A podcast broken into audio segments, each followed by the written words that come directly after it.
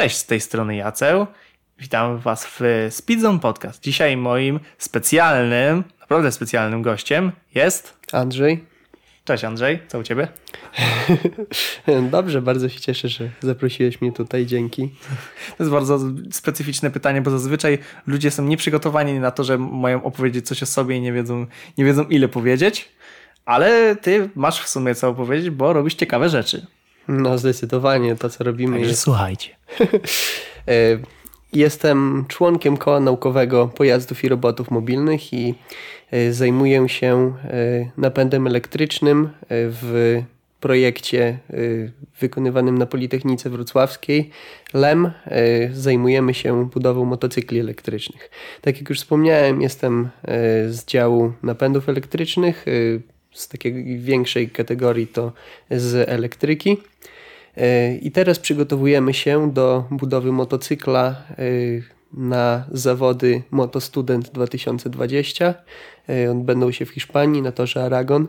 Przygotowujemy na nie nasz pierwszy motocykl wyścigowy pod nazwą Lem Foton.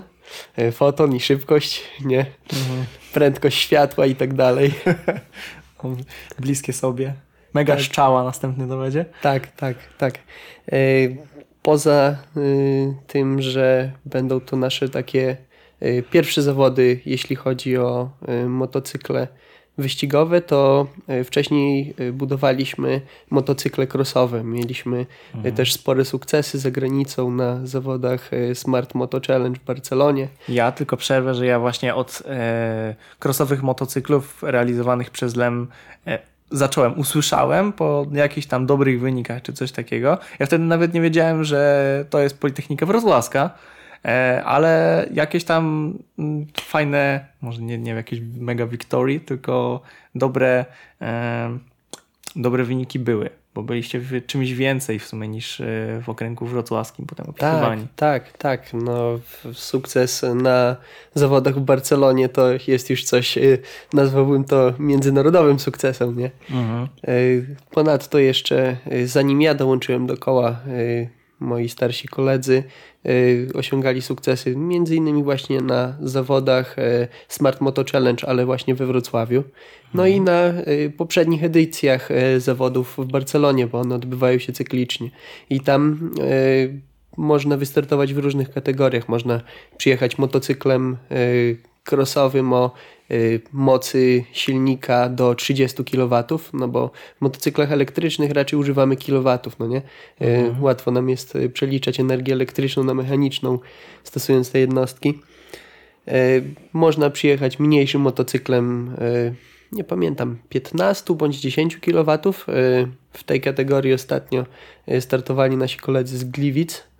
Y, wcześniej nasi koledzy starsi zajmowali się budową skuterów na przykład był kiedyś taki projekt y, o kryptonimie Lem Zielony. To był mhm. Y, skuter przygotowany, o ile pamiętam, dla dostawcy pizzy. A, czyli takie skutery bardzo użytkowe.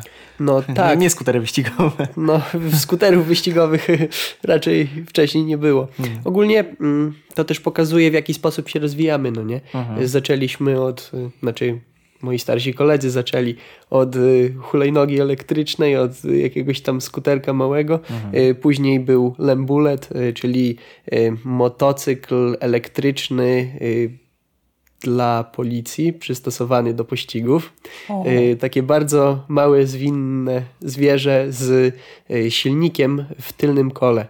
Aha. Taki sposób montowania silnika wymaga tego, żeby wirnik, czyli to, co się obraca, było na zewnątrz, a to, mhm. co ma stałą pozycję kątową, było wewnątrz. Dzięki temu można umieścić go w kole to powodowało, że był bardzo zrywny i bardzo mhm. y, łatwo można było y, pojechać na jednym kole. Szczególnie, że y, w motocyklach elektrycznych mamy zupełnie inną charakterystykę y, pracy niż w silnikach spalinowych. W sumie sama reakcja y, na gaz musiała być niesamowicie szybka w tym momencie, tak sobie to wyobrażam. Tak, tak, właśnie. Tak jak wiesz, że silnik spalinowy mhm. gdzieś tam najlepiej kręci, no w zależności od jakiego pojazdu. Na przykład mhm. u mnie w samochodzie Mikra najszybciej zbiera się przy 4-5 tysiącach, no nie? K11?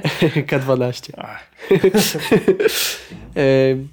ale właśnie w e, silniku elektrycznym moment jest e, od samego dołu w zasadzie. Przy e, zerowych obrotach mamy moment mhm. rozruchowy, taki, który mm, potrafiłby poderwać wręcz ten motocykl, gdyby nie siedział na nim kierowca, ani opacznie mhm. pociągnął za manetkę. Dlatego też musimy stosować wiele zabezpieczeń. To jest też właśnie jednym z moich zadań w kole mhm. jest zadbanie o to, żeby to wszystko było bezpieczne. No nie?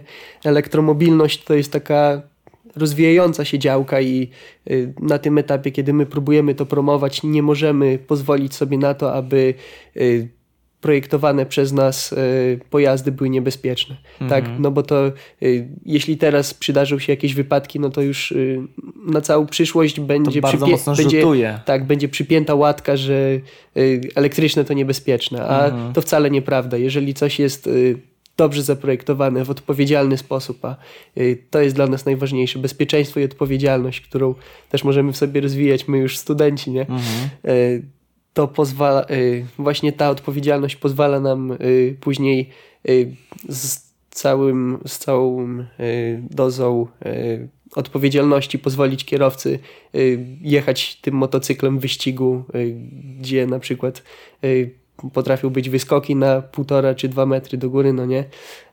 Po górkach, po, po dołkach, mhm. czasem w wodę pozwalamy wjechać, no nie.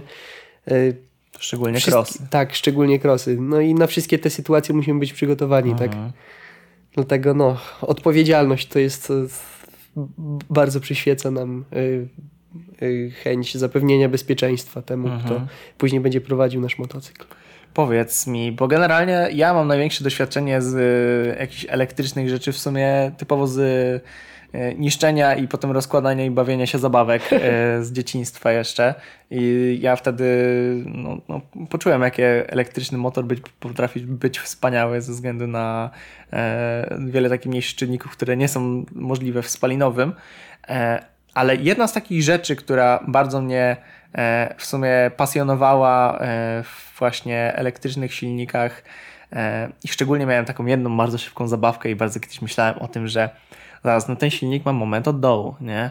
Jedny z takich większych problemów w wtedy dla mnie to było w przyszłości, jak będą te samochody czy motocykle elektryczne, to będzie to, że trzeba będzie bardzo mocno, mocno spiąć taki na przykład mechanizm takiego ESC, nie? E, po prostu tego, żeby no, nie wyrzucało tego kierowcę do góry lub nie mielił ciągle. E, czy takie systemy to w ogóle e, są, potrzebne są potrzebne do rozwijania e, do dziś, czy to na przykład jest bardzo mocno, bardzo dobrze już rozwinięte? Ogólnie my jesteśmy bardzo zadowoleni, jeśli mhm. nasz cross potrafi spalić kapcia, nie? Więc mhm. specjalnie robimy to w taki sposób, żeby od samego początku rwał jak najmocniej. Mhm. No i bazujemy na doświadczeniu kierowcy, który potrafi już skorzystać z tego, co ma, czyli dajemy mu najwięcej, ile jesteśmy mhm. w stanie i on dozuje to tak, jak potrzebuje. Ale myślę, że y, gdybyśmy mieli wprowadzić nasze y, konstrukcje do y, produkcji seryjnej, no to mamy możliwości, żeby dopasować odpowiednio mhm. charakterystykę silnika y, do tego, jak y, miałby się zachowywać ten pojazd. Wiesz, y, może trochę powiem o tym, w jaki sposób działa taki napęd elektryczny. Mów, mów. Bateria złożona z ogniw zapewnia nam napięcie stałe, czyli o określonej wartości. Mhm. Silniki, z których korzystamy, to silniki takie, jakie można zasilane prądem przemiennym, tak? czyli y, potrzebują napięcia y, sinusoidalnego, takiego jak w gniazdku. Żeby z napięcia stałego wytworzyć przemienne i jeszcze o określonej częstotliwości i amplitudzie, czyli y, żeby móc sterować tym silnikiem właśnie za pomocą mhm. tych parametrów, korzystamy z przekształtników energoelektronicznych, które pozwalają nam e, wytworzyć e, napięcie o takiej wartości, jaką chcemy i o takiej częstotliwości, jaką chcemy. Mhm. A z tego wynika, że mm, jeżeli zaprogramujemy w odpowiedni sposób sterownik, no to możemy nadać dowolną charakterystykę y, ograniczoną tylko i wyłącznie maksymalnymi y, mhm. wartościami dla silnika. Czyli mm, tak przekładając już to na taki prosty język, mhm. możemy dowolnie zmieniać zależność momentu czyli tego, co, co nas interesuje na kole, no nie? Mhm. Momentu od wychylenia, no w naszym przypadku manetki. Rozumiem, czyli praktycznie cała krzywa e, silnika elektrycznego jest praktycznie do. Na każdym silniku elektrycznym da się ją zrobić inaczej, zależnie od potrzeb. Tak, możesz zrobić ją, y, no ograniczają ci oczywiście y, możliwości twojego przekształtnika, mhm. czyli sterownika oraz y, silnik, no w pewnych sytuacjach już nie da się zejść niżej albo wyżej, mhm. ale ogólna zasada jest taka, że charakterystykę możesz kształtować dowolnie mhm. i zapewniają to przekształtniki energoelektroniczne, które można konfigurować w taki sposób, jaki chcesz. Mhm. Rozumiem. E, słuchaj, a mówiłeś o e, tych większych wygraniach e, w Barcelonie, tak? Mhm. W sumie ile ekip takich studentów, czy może nie tylko studentów, jak to wygląda? Raczej z tego, co udało mi się poznać tych mhm. ludzi, a uwierz mi, że na wieczornych integracjach udało mi się, to wydaje mi się, że wszystko są studenci, ekipy mhm. studenckie z uniwersytetów. Czyli, e... czyli po prostu to generalnie są takie wielkie zawody studentów e... organizowane w Barcelonie. To może tak? po, powiem, w jaki sposób to wygląda. E... Nasza ekipa, mhm. e... z Polski również ekipa z Gliwic i ekipa z Krakowa, mhm. Emoto AGH. E, jedziemy do Hiszpanii w okolicach Barcelony na torze motocrossowym rozkładamy się z obozowiskiem. My oraz nasi koledzy z Niemiec, z Belgii, z Turcji, z Hiszpanii też przede wszystkim, mhm. czyli no z wielu krajów Europy. Rozkładamy obozy mm, i podczas konkurencji e, mamy przygotować nasze motocykle w parku maszynowym e, do tego, żeby mogły na przykład przejść test przyspieszenia lub e, wyścig e, mhm. taki na czas lub kto więcej okrążeń, endurance. No i w zależności od tego, jakie to zawody, na ostatnich na przykład było kilka kategorii, no to motocykle muszą to przejechać. Mhm. I dzielimy się na różne kategorie. Na kategorie do tak jak mówiłem, do 30 kW, do 10 kW oraz na przykład na hulajnogi. E, mhm. W zawodach też, e, o ile pamiętam, e, była kategoria bolidów elektrycznych i spalinowych, ale to cieszyło się raczej mniejszą popularnością, bo te zawody są znane raczej z rywalizacji motocykli. Hulajnogi crossowe? Y, nie, hulajnogi miały y, swój kawałek asfaltu, na którym y, rozstawiono pachołki i można było organizować konkurencję. Rozumiem. Macie generalnie jednego kierowcę, czy na przykład jeden z waszych techników e, po prostu jest taki wybrany i on poza tym, że bierze udział w e, jakimś tam zakresie projektu, to głównie kierowcą jest? Czy... W zależności od zawodów e, mhm. to się zmienia. Na przykład na obecne e, zawody motostudent potrzebowaliśmy profesjonalnego kierowcy. E, mhm. Dogadaliśmy się z małym Chrisem, mhm. E, który będzie jeździł naszym fotonem. Wcześniej na zawody motocykli crossowych e, było takie wymaganie, żeby kierowca był studentem, czyli członkiem koła. Mhm. E, mój kolega Kamil, obecnie lider mechaniki oraz e, Maciek, członek zespołu Elektro, byli kierowcami i sprawili się bardzo dobrze. Wyglądali na tle innych kierowców naprawdę jak profesjonaliści. Jedynie mhm. ruski kierowca mógł być porównywalny oraz nasi koledzy z AGH. Y, równie dobrze się sprawili. Reszta to mm, w niektórych ekipach było widać, że to są studenci, a nie profesjonalni kierowcy. Mhm, mhm. Dlatego y, pod tym względem wyglądaliśmy, y, reprezentacja z Polski wyglądała naprawdę dobrze. Rozumiem. To w sumie jak możesz to zaprezentuj, zaprezentuj. Powiedz w sumie, jakie waszego koła były takie większe wygrane i, i większe osiągnięcia, takie na tle w sumie w takim razie pokroju europejskim. Mogę powiedzieć Ci o najnowszych osiągnięciach od y, sam jestem w kole, czyli mhm. zajęliśmy drugie miejsce na zawodach w Barcelonie y, w klasyfikacji generalnej, pierwsze w y, kategoriach statycznych. Spośród ekip ilu? Około. A wiesz, teraz ciężko mi powiedzieć. W naszej kategorii było ich sześć. Mhm. Tak, wydaje mi się, że co, coś w ten deseń, no nie? Mhm. Natomiast y, dostaliśmy też specjalną nagrodę za y, design i hamulce. Pozdrawiam mojego kolegę Pawła Zielonkę, który jest autorem, y, autorem projektu naszych owiewek w motocyklu Lem Thunder, czyli w tym krosie ostatnim. Mhm. Wcześniej z motocyklem Lem Falcon, czyli też crossem, ale trochę mhm. mniejszym, wygraliśmy zawody we Wrocławiu, mhm. no, które zorganizowaliśmy, ale było w nich mhm. bardzo dużo ekip, tak.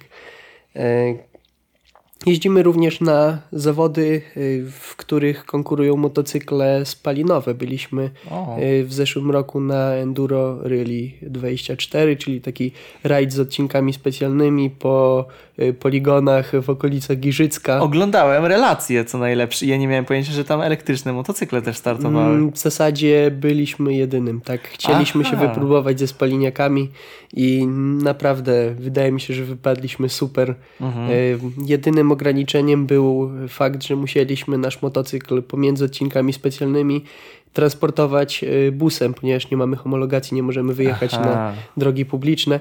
Y, kiedy w międzyczasie trzeba było go podładować, właśnie też, żeby rozwiać mit y, niemożliwości ładowania pojazdów elektrycznych, no to mhm. mieliśmy ze sobą specjalnie przygotowaną ładowarkę, którą można było wetknąć w gniazdko po drodze. Mhm. Zatrzymaliśmy się na jednym z parkingów i pani w sklepie pozwoliła nam się podładować. Podłączyliśmy zwyczajną wtyczkę na przedłużaczu do gniazdka. Y, naładowaliśmy nasz motocykl, nie mieliśmy z tym żadnego problemu. Y, życzliwi ludzie na, na, na wschodzie naszego kraju y, pomogli nam, także problemu z prądem nie było, a w odcinkach specjalnych naprawdę spisywaliśmy się dobrze. Mhm. No to naprawdę w sumie udział akurat w tym mnie dosyć bardzo zaskoczył, bo no tak jak mówię, właśnie oglądałem e, całe te relacje i tam pełno spaleń samych dwóch suwów, cztery suwów. Nie widziałem żadnego takiego w sumie odstępstwa. Myślałem, że w sumie to jest takie jakieś ograniczenie stałe, na przykład do pojemności e, czy coś takiego. A właśnie, jak konkurujecie ze spalinowcami, e, to w sumie to wszystko się ogranicza do ograniczenia mocy? E, w zasadzie w Enduro Rally nie było ograniczeń. Mhm. Ograniczeniem były e, umiejętności kierowcy. Aha. E, widzieliśmy tam na torach motocrossowych Africa Twin. Aha. nawet, wiesz, czyli już takie bardziej turystyki nawet niż, niż no, no, no. prawdziwe krosy. Ale no tak jak mówię, umiejętności kierowcy pozwalały zdobyć przewagę nad innymi. Mhm.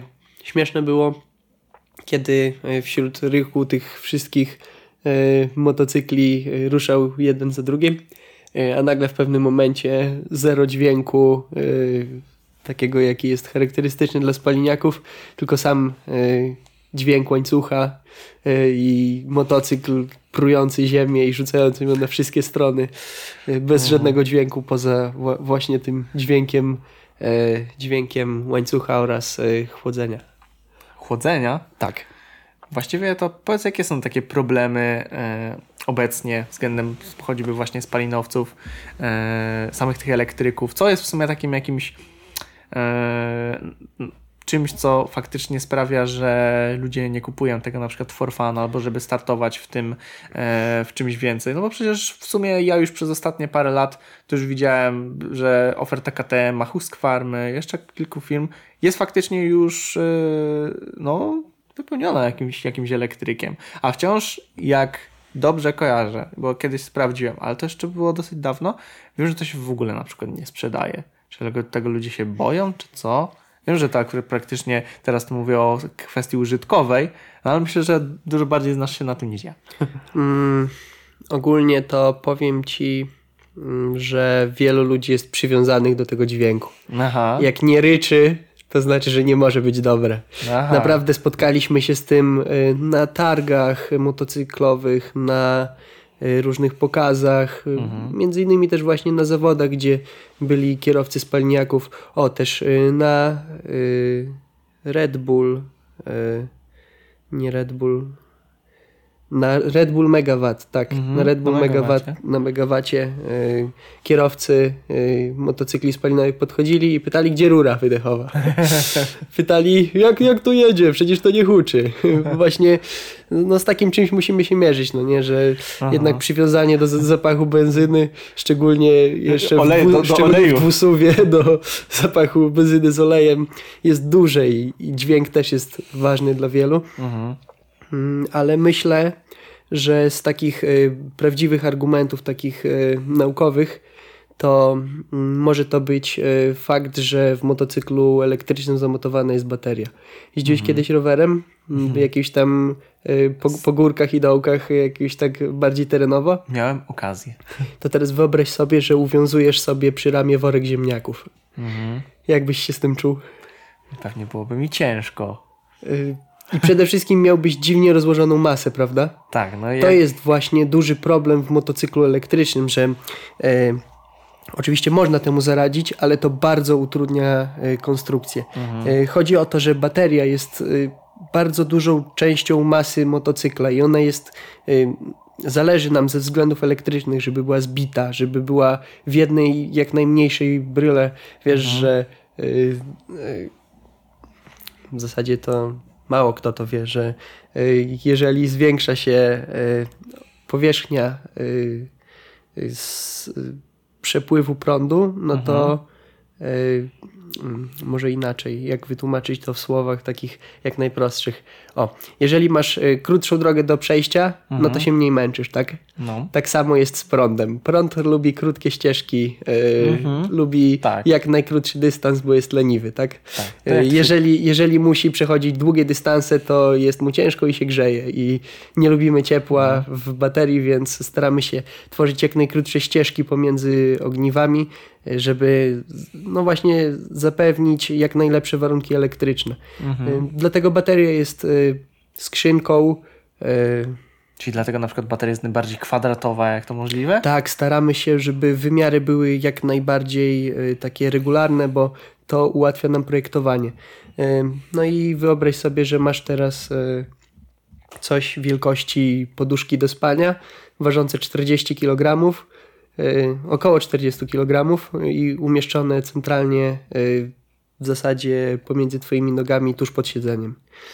Mhm. No, Powoduje to mm, nawet problemy y, dla kierowców, którzy byli przyzwyczajeni do spaliniaków. Powoduje to, że jest im trudno opanować taki motocykl. Jeszcze jeśli dodamy do tego fakt, że od razu, y, y, od razu przy zerowej prędkości mamy już duży moment, czyli takie, idzie na koło. tak, takie strzelanie ze sprzęgła, nie? Bez, bez No. sprzęgła. No to faktycznie do motocykla takiego elektrycznego trzeba się przyzwyczaić. Mhm.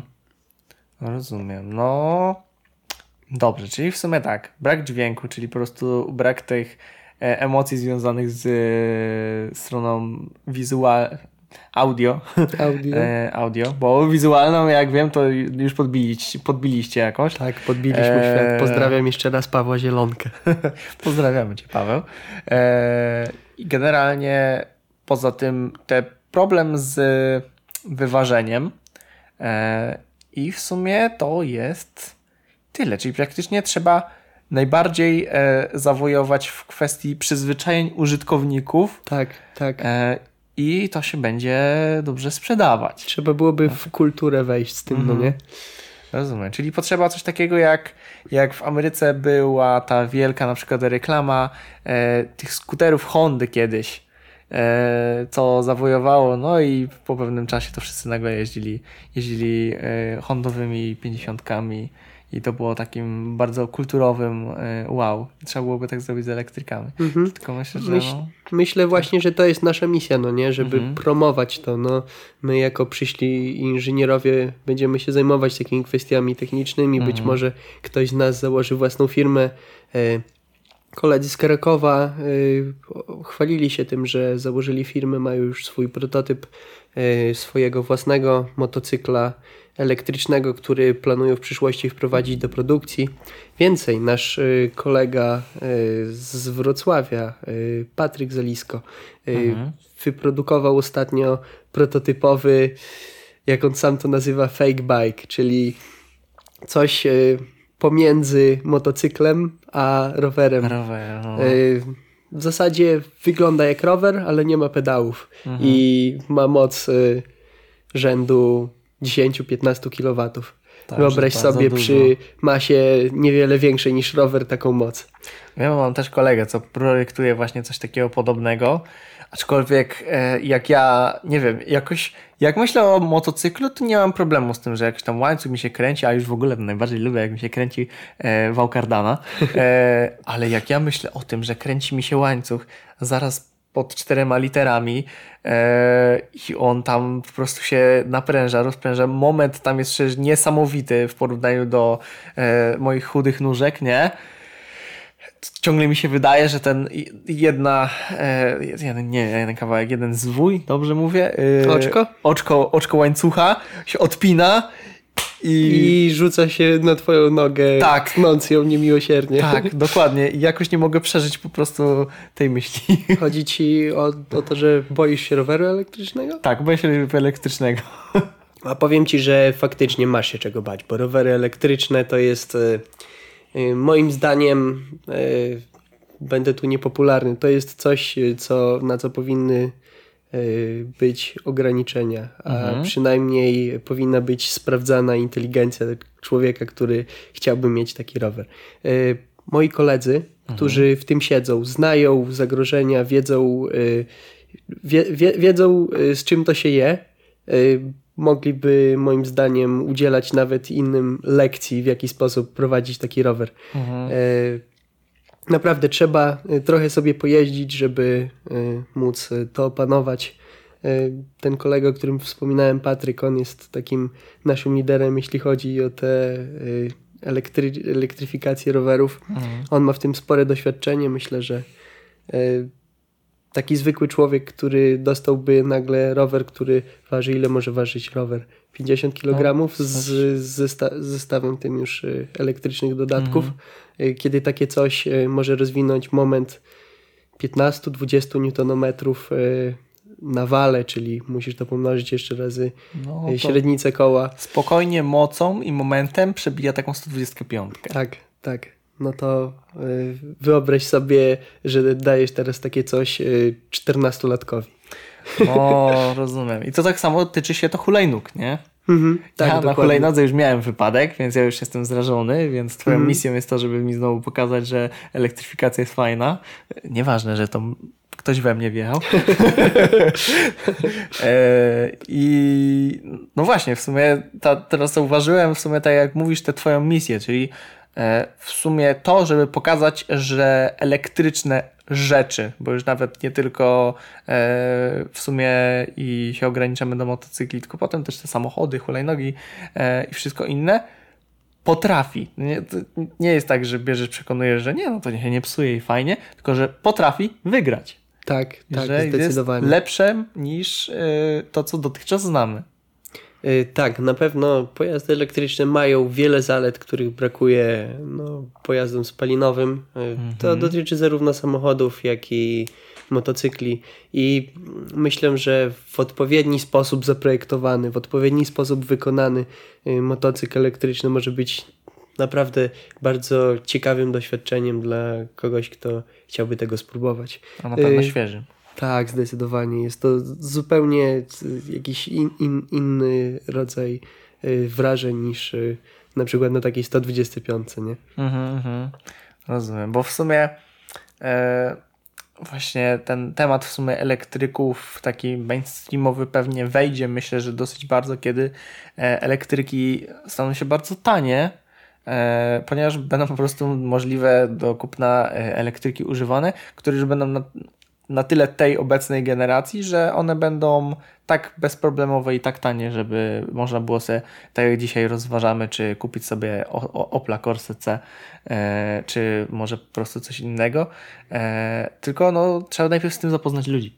Bo nie, to nie będzie tanie, dopóki nie będzie tego kupowało dużo ludzi, nie? Mm, tak, a kolejna sprawa to myślę, że chodzi o technologię. Mhm. Szczególnie o technologię y, wykonywania baterii, czyli mhm. w zasadzie ogniw elektrycznych. Mhm. Obecnie stosujemy ogniwa litowo-jonowe, czyli y, paluszki, tylko trochę większe i z litem w środku, tak? Mhm. Y, lit, pierwiastek bardzo aktywny, E, ogniwa takie doprowadzone do stanu zwarcia mogą wybuchnąć. E, mhm. Możliwe, że e, cena ich też już raczej nie zajdzie poniżej tej, która obecnie się utrzymuje, bo, ich, bo technologia ich produkcji jest już tak rozwinięta, że nie wiem, czy dałoby mhm. się jeszcze coś zmienić i myślę, że trzeba czekać na, na coś nowego, no nie? Tak jak kiedy ludzie jeździli konno, 30 mhm. na godzinę, y, mogłeś wziąć lepszego konia, mogłeś y, nakarmić go lepszym owsem, ale pewnej granicy to już nie przeskoczy. No Później no. człowiek przesiadł się na samochód, tak? Mhm. Samochód, y, lepsze koła, lepsza aerodynamika, 400 km na godzinę, no pewnej co granicy. Sam, co samochód będzie kupował? Pewnej... Przecież to jest, nie fajnie jest, jak tak koń bierze i nie sra, nie śmierdzi. No widzisz, ale pewnej granicy to już nie przeskoczy, tak? Kolejny musiał być y, odrzutowiec, nie? Mhm. No to tak samo myślę, że jest z ogniwami. Obecnie używane litowo-jonowe raczej są już... Y, ich technologia jest wyżyłowana do granic możliwości, z tego już nic więcej nie, nie wyciągniemy.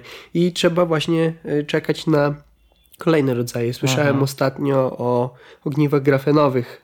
Słyszałeś Aha. może o wynalazku no, polskich naukowców o tak. grafenie, o jednoatomowej warstwie węgla, tak. o super właściwościach elektrycznych, o których gdybym zaczął mówić teraz, skończyłbym jutro. Generalnie to bardzo był taki boom, który, znaczy boom na informacje, mhm. a potem dosyć bardzo ucichł. I w sumie nie wiem czemu. No wiesz, tak to jest, gdy ktoś kupuje technologię, tak? Mhm ktoś e, inny. Czyli? No ale to, myślę, że, myślę, że nie wgłębiajmy się w ten temat, okay. nie chcę. Tutaj żadnych teorii spiskowych. To snuć, nie jest no podcast nie? ekonomiczny. Dokładnie, dokładnie. Zajmijmy się właśnie. to fajną No, stronę. wracając do ogniw. Mhm. E, słyszałem też ostatnio o ogniwach, w których wykorzystywana jest siarka.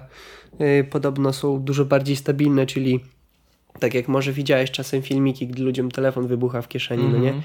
Albo o tym, jak y, waperzy y, w swoich y, wapujących, wypuszczających chmurę dymu papierosach elektronicznych y, zapalały im się baterie.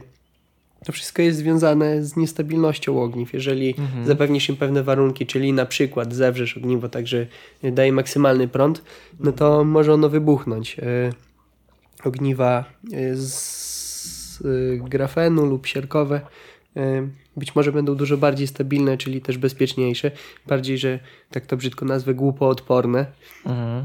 Ale też y, mogą charakteryzować się większą gęstością energii, czyli przy tej samej masie mhm. mamy większą energię, którą możemy wykorzystać na dłuższe wykorzystanie, tak? Masło maślane. O, no, no lepsze i tyle. Okej, okay. słuchaj, a w telefonach mam litowo-polimerowe, tak? Tak, zgadza się. To jest, y, no? to jest jedna z y, jakichś tam wariacji ogniw y, litowo-jonowych, no mhm. nie? One są już bardzo niestabilne. W sensie w porównaniu do ogniw litowo-jonowych. Ale na bardzo przykład. Niestabilne. Tak? Niestabilne, tak? tak. Łatwiej jest doprowadzić do na przykład spuchnięcia. Spuchła ci kiedyś bateria w telefonie? Mm, mm, mi nie. No ale, tobie nie, ale znasz kogoś, ale, komu spuchła, tak? Tak, znam. No i wtedy A słyszałeś o przypadkach, gdy dzieciom ładującym telefon pod poduszką zapaliła się ta poduszka? Tak, już to się słyszało, aczkolwiek e, kto pod poduszką ładuje telefon? Dzisiejsza młodzież, tak. O, uwaga, który...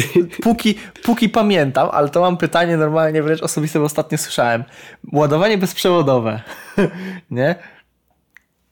Kojarzysz temat? Czy w sumie to nie jest dobre pytanie do ciebie? Mm, ładowanie bezprzewodowe tak, telefonu? Tak, na przykład. Ech, wiem na jakiej zasadzie to się odbywa. To w wyniku y, przemien, przepływu przemiennego prądu przez uzwojenia mhm. tego, co podłączasz, podłączasz do gniazdka, przepływa tam przemienny prąd przez cewkę, wytwarzając strumień magnetyczny. Okej, okay, a niby to ładowanie, in, ładowanie indukcyjne jest chłodniejsze niż takie po kablu? E, no właśnie, właśnie do tego dążę. No. E, jeżeli ten strumień magnetyczny obejmie ci uzwojenia, które są w tym drugim elemencie, tym bezprzewodowym, no to tam indukuje się napięcie i powstaje prąd. Aha. Mm, no i ogólnie e, ten prąd e, znajduje się tam bezprzewodowo przez e, pole, dostaje się tam dzięki polu magnetycznemu. Mhm a w wyniku ładowania po kablu dostaje się przez przewód, tak? Tak. Czyli ostatecznie nie odpowiem Ci na Twoje pytanie, czy jest lepsze, czy gorsze, bo moim zdaniem zależy to od y, tego, w jaki sposób jest wykonane i od technologii. Czyli sama metoda ładowania bezprzewodowego y, może być lepsza, może być gorsza, zależy to od ładowarki, tak? Okej, okay, bo ja ostatnio z, y, czytałem sobie o tym, że y, to skracanie ładowania telefonów y, jest bardzo obkupione e, A, zużyciem jeżeli, baterii. Jeżeli nie? chodzi ci o to, czy szybkie ładowanie tak. Y, jest dobre czy złe, no to od razu powiem ci, że jest złe, mhm. bo ładowanie ogniw takich y, jak teraz y, są najpopularniejsze w telefonach powoduje skracanie ich żywotności. Mhm. No właśnie, a niby bezprzewodowe e, ładowanie nie e, sprawia, że się tak bardzo nagrzewa bateria. Być może po prostu ładowany jest mniejszym prądem i mhm. dzięki temu no właśnie, mniejszy prąd powoduje mniejszą degenerację ogniwa. Tak? No, Wszystko bo... zależy, czyli to nie to, czy indukcyjne ładowanie, czy ładowanie po kablu, ja bym mm. nie mhm. rozgraniczał tego, tak? Tylko y, to inne parametry są ważne. Jaki jest prąd i ile wydziela się przy tym strat mocy, tak? Okej. Okay. Nie, bo Xiaomi ostatnio robi 100-watowe ładowanie i jak ja sobie myślałem o tym, że już były takie dużo, dużo ale, y, gdy było 18 albo 27-watowe, mm -hmm to ja tak sobie pomyślałem, to na pewno baterie poszły jakoś do przodu ostatnio, ja o czymś nie słyszałem. To znaczy technologia ogniw tych, które teraz wykorzystujemy w bateriach, no jest od, od paru lat właśnie ta sama litowo-polimerowe, mhm. no nie? Czyli znowu wracamy do tego konia i samochodu, tak? Mhm.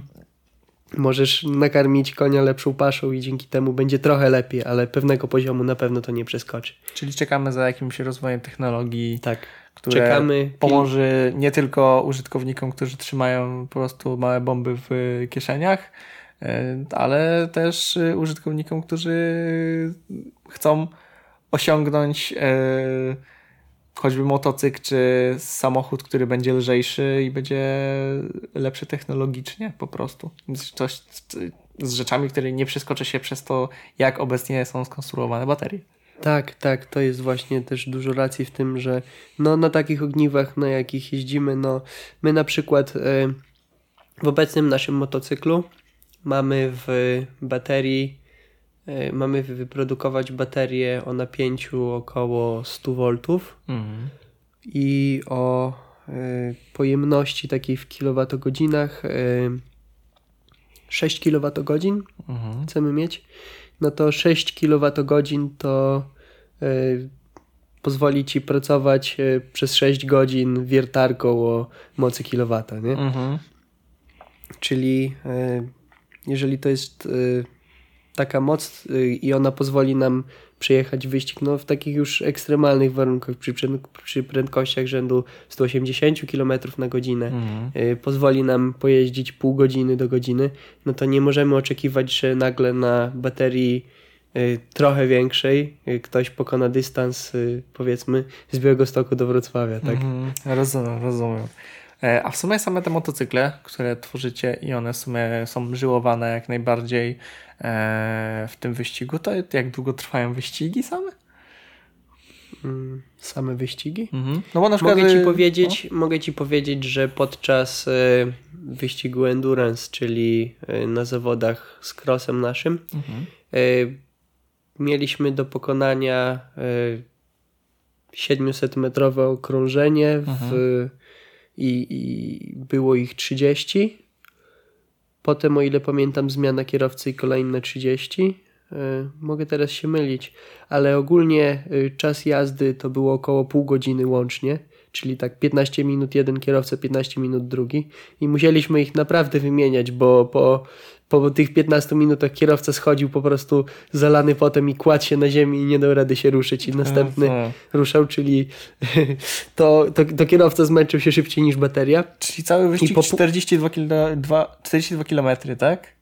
Być może, mhm. być może, ale weź pod uwagę, że po górkach, dołkach i mhm. przy ciągłym przyspieszaniu, hamowaniu, czyli w bardzo trudnych warunkach, E, około pół godziny e, to trwało, ile się nie mylę, i zużyliśmy około połowy pojemności naszej baterii. Mhm. Czyli no, aproksymując, wyszłoby nam, że około godziny jesteśmy w stanie w takich naprawdę potwornie trudnych warunkach, takich ekstremalnych wręcz wyścigu, jesteśmy w stanie przez godzinę jeździć. Myślę też, że dystans to nie jest tutaj dobrym przelicznikiem, a właśnie mhm. czas ciągu którego na maksymalnych obrotach y, mhm. musimy pracować. Nie? Rozumiem, bo w sumie y, zastanawiało mnie to, czy no bo wciąż problemem na przykład dwusuwów, no w sumie tego się nie przeskoczyło ile, jeżeli po prostu nie ma się większego baku, to, że faktycznie można go upalać tam te półtorej godziny, dwie godziny jeździć po Błocku, a no ciekawiło mnie, czy to w sumie jest podobnie w przypadku, w przypadku crossów, no bo chodzi na to, że tak, że to w sumie nie, nie ma jakiegoś nie jest to na przykład walka, jazda, jazdy przez pół godziny tak, że nagle e, w połowie nagle się orientujecie, że ej, baterii nie starczy, trzeba trochę przyhamować. No. no nie, tego problemu nie mieliśmy. Byliśmy przygotowani bardzo dobrze. Nasza w zasadzie to gdybyśmy chcieli to optymalizować konkretnie mhm. te, tylko i wyłącznie pod tą konkurencję, no to baterię moglibyśmy zrobić mniejszą, bo mhm. woziliśmy niepotrzebną masę. No, rozumiem. Ale wiesz, chodziło nam o uzyskanie motocykla o jak najlepszych parametrach, czyli zasięg też był ważny, więc y, no, nie budowaliśmy tego motocykla tylko i wyłącznie pod tą jedną konkurencję, a pod cały wyścig, pod yes. szereg wyścigów różnych i no dzięki temu, że zapewniliśmy sobie bardzo dużą pojemność baterii, bardzo też duży możliwy prąd z baterii, mhm. co przekłada się na moment, y, no to nasz motocykl naprawdę może konkurować z najlepszymi jeśli chodzi o elektryki. I to jest coś, i to na naszym poletku. Yy, tak, tak. Myślę, że yy, jeśli chodzi o te najnowsze technologie, tak jak masz teraz branżę IT, no nie? Mhm. Yy, na przykład słyszałem ostatnio, że bankowość elektroniczna w Polsce jest jedną z najlepiej rozwiniętych na świecie. I najszybciej się rozwijając. Tak, dokładnie. I w tych nowoczesnych technologiach wcale nie jesteśmy, myślę, 100 y, lat za Afryką.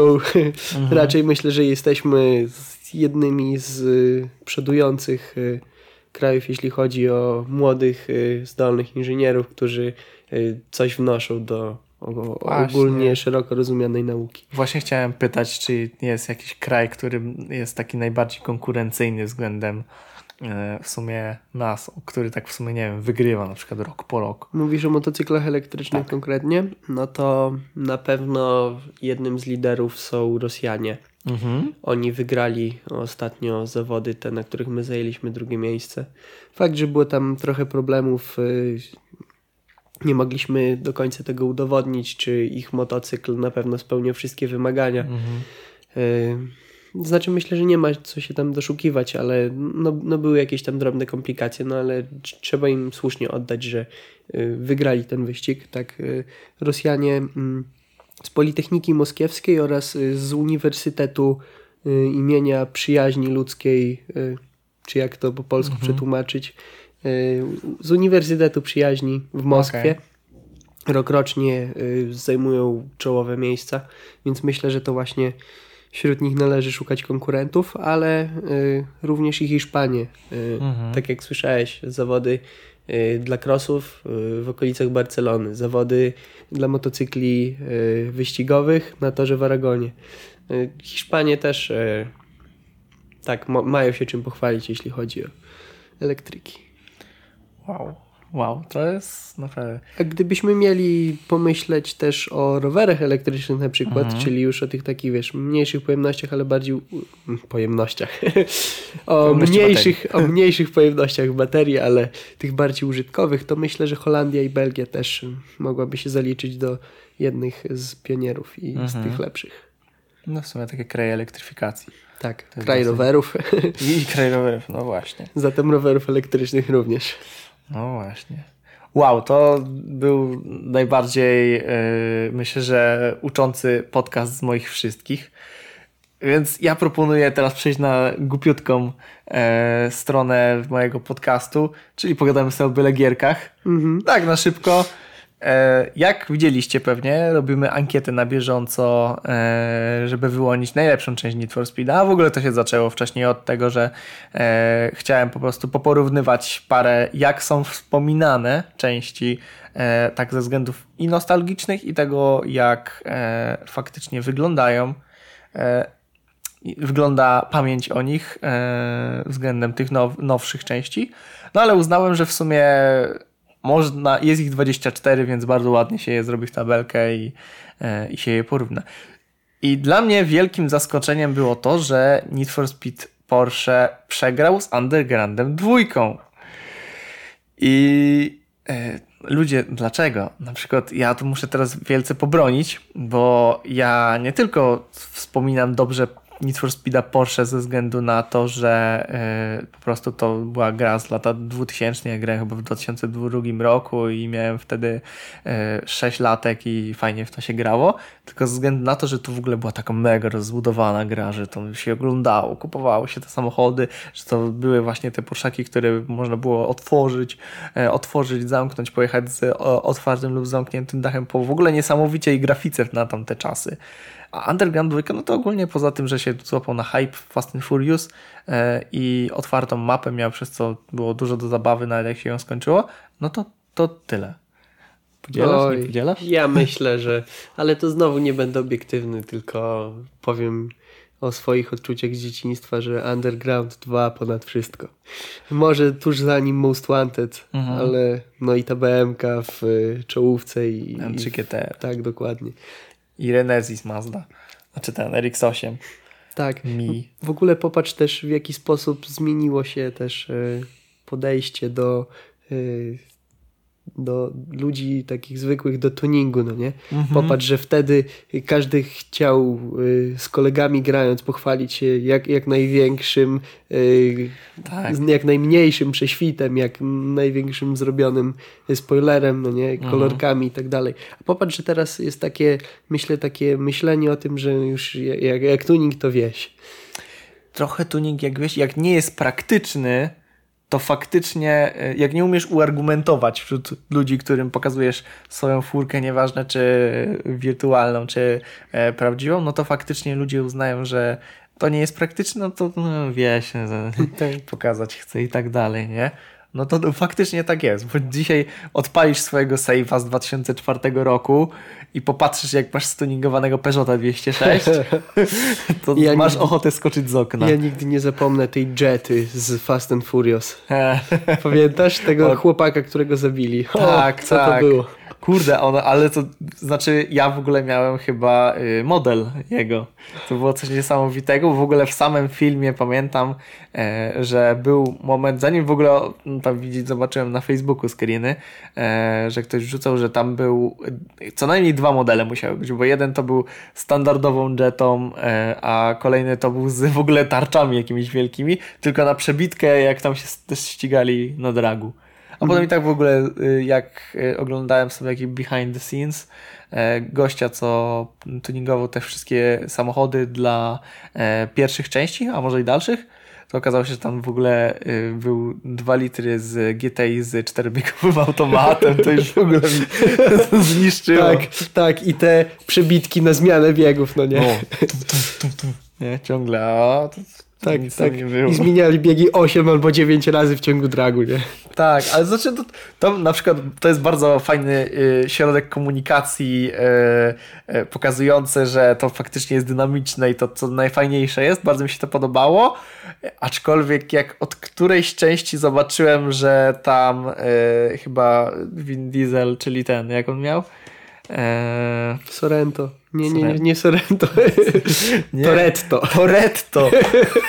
Sorrento. No, to, to w każdym razie jak ten prościutto zmieniał e, biegi w automacie i tam chyba w Chargerze, nie? I tam wrzucał po prostu z, z e, D na, na dwójkę chyba, po prostu żeby trzymać chyba tę dwójkę, jak rozumiem. Ale on już jechał niby bardzo szybko to ja zauważyłem, że to już jest naprawdę.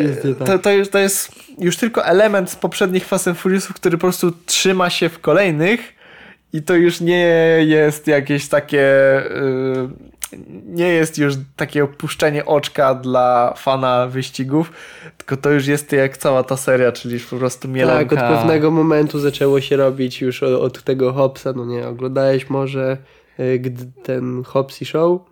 Gdzie przeciwnikiem był y, jakiś wskrzeszony cyborg, którego później na koniec wyłączyli. Nie. No to nic nie straciłeś.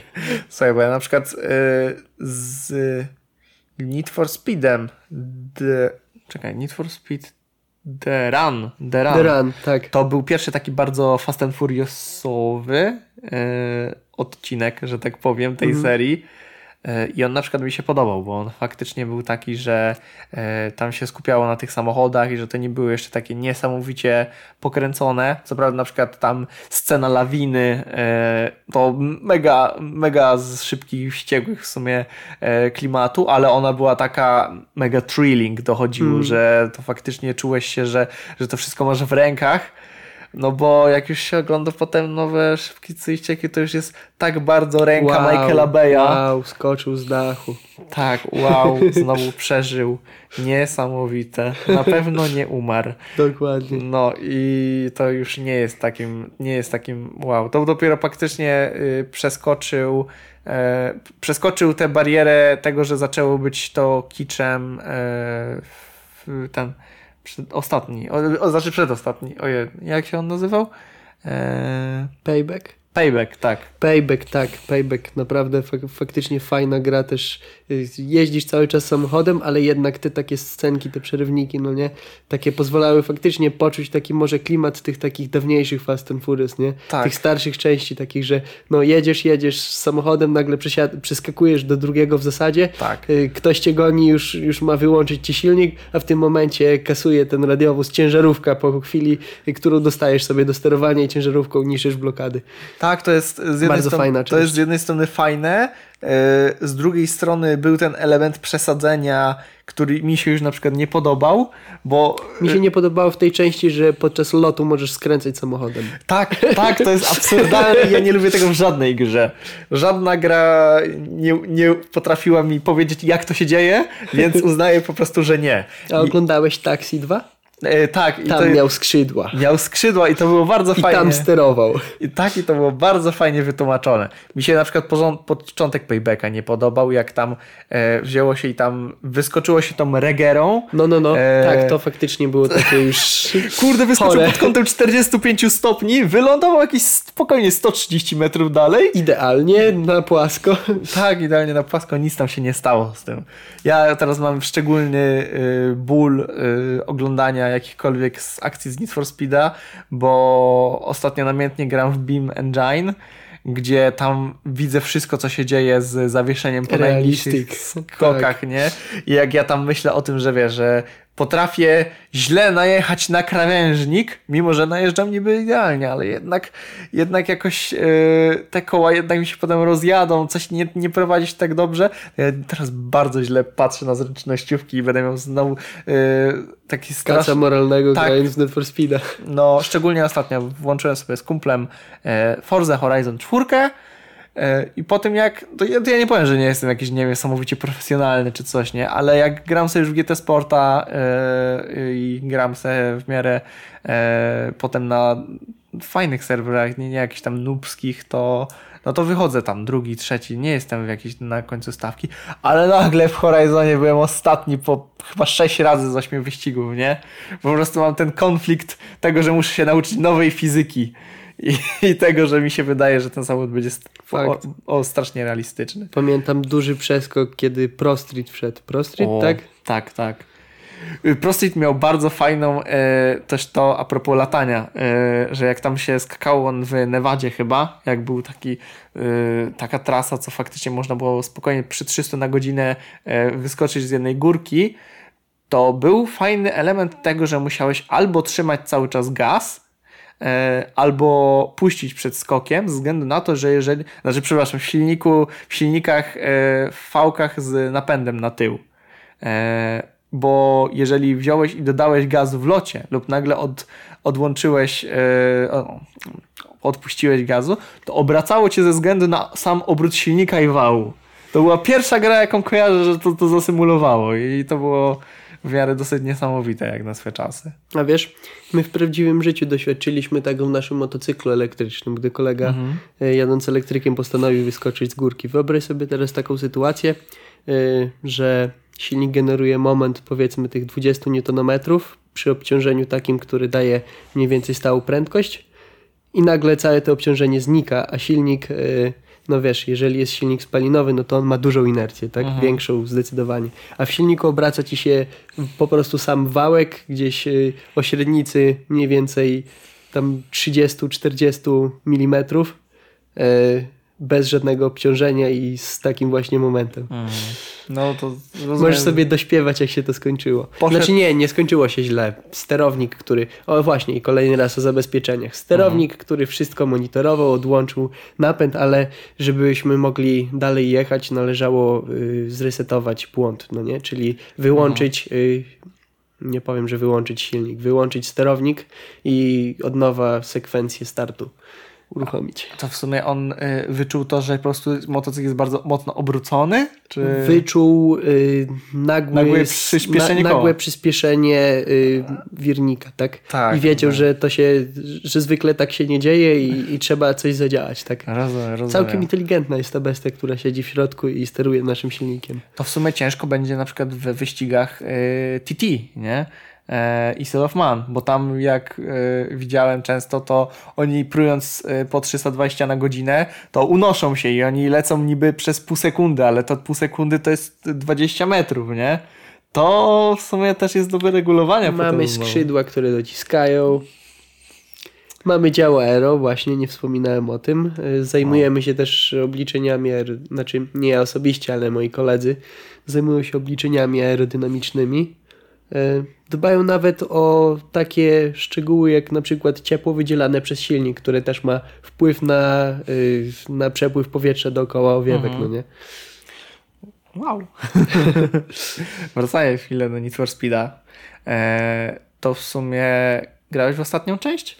W tego najnowszego no, no. Nie, nie, jeszcze nie, nie grałem. A w sumie e, dobrze wspominasz części robione przez studio Criterion?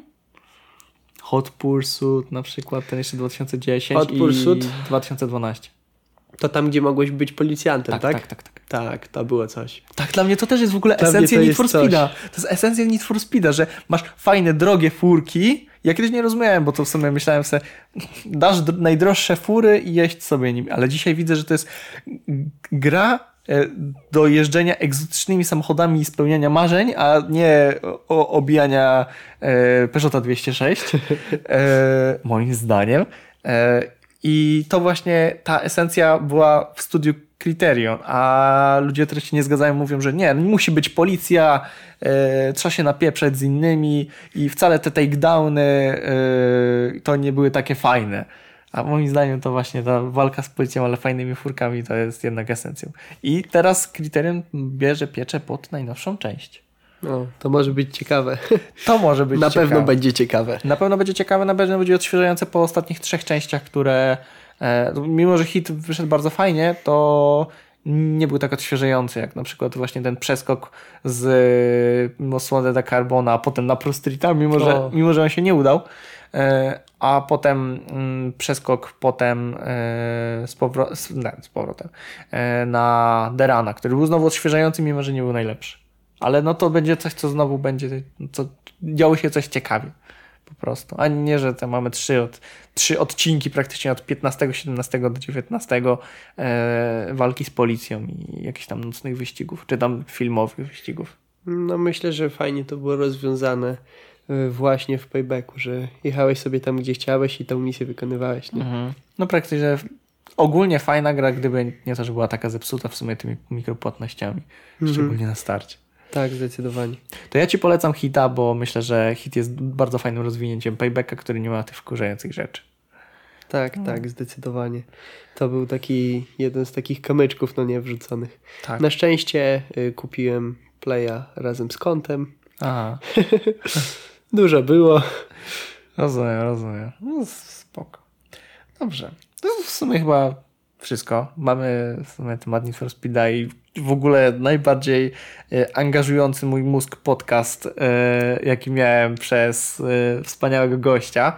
Dzięki Ci bardzo, że mogłeś przyjść. Mam nadzieję, że jeszcze kiedyś się pojawisz. No ja I w sumie, w sumie yy, mówisz, że ten ścigacz obecnie to jest robiony. Tak, tak. Tak, jest przygotowywany. Zawody Kiedy będą... on będzie jakoś tak bardziej, e, nie wiem, do zobaczenia, zaprezentowania? Teoretycznie jeździć ma e, na przełomie czerwca, lipca. Zawody są w październiku, ale do tego czasu musimy wysłać filmik Patrzcie, to jeździ. Aha. To Także myślę, serdecznie zapraszam e, do nas może na jakieś może nie na przejażdżkę, mhm. ale na obejrzenie, bo y, przejażdżki to pe pewnie w dalszej przyszłości będą możliwe, ale na pewno na zobaczenie go. Dobra, na pewno zalinkujemy i będziemy y, aktua aktualności aktualizować również o Wasze osiągnięcia. Tak, to również dziękuję Ci bardzo za zaproszenie, bardzo było mi miło, że mogłem tutaj z Tobą porozmawiać. Mam nadzieję, że nie ostatni raz. Również mam taką nadzieję. Dobrze, także dzięki bardzo. No i do usłyszenia za dwa tygodnie, a będzie to 24 marca. Do usłyszenia, cześć. Cześć.